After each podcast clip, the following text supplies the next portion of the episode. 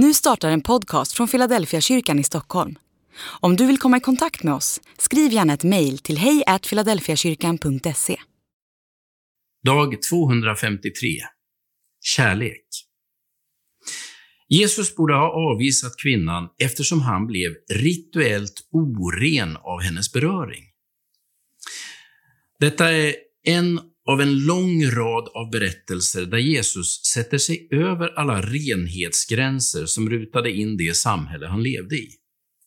Man blev oren av att beröra en kvinna med undantag för den man var gift med, men även där kunde man bli oren om man inte såg upp. Ett effektivt skydd kan tyckas mot olämpliga och närgångna relationer mellan de båda könen.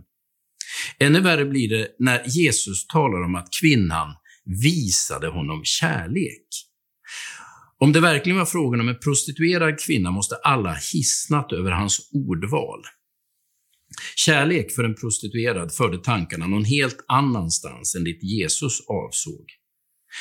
Berättelsen om kvinnan i Simons hus sätter fingret på våra tendenser att döma människor efter deras handlingar och deras utseenden.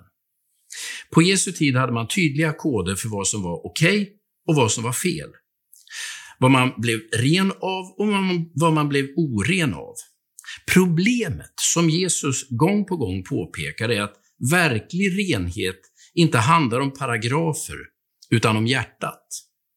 Likaså handlar orenhet inte om vad man äter eller om vem man hälsar på, utan om hur det är möblerat i hjärtat. Vi har så lätt att döma människor efter deras beteende, deras kläder eller deras härkomst. Jesus betonar gång på gång att det enda som räknas inför Gud är hjärtat. Kvinnan hade förmodligen brutit mot alla regler, men hade ett ödmjukt hjärta.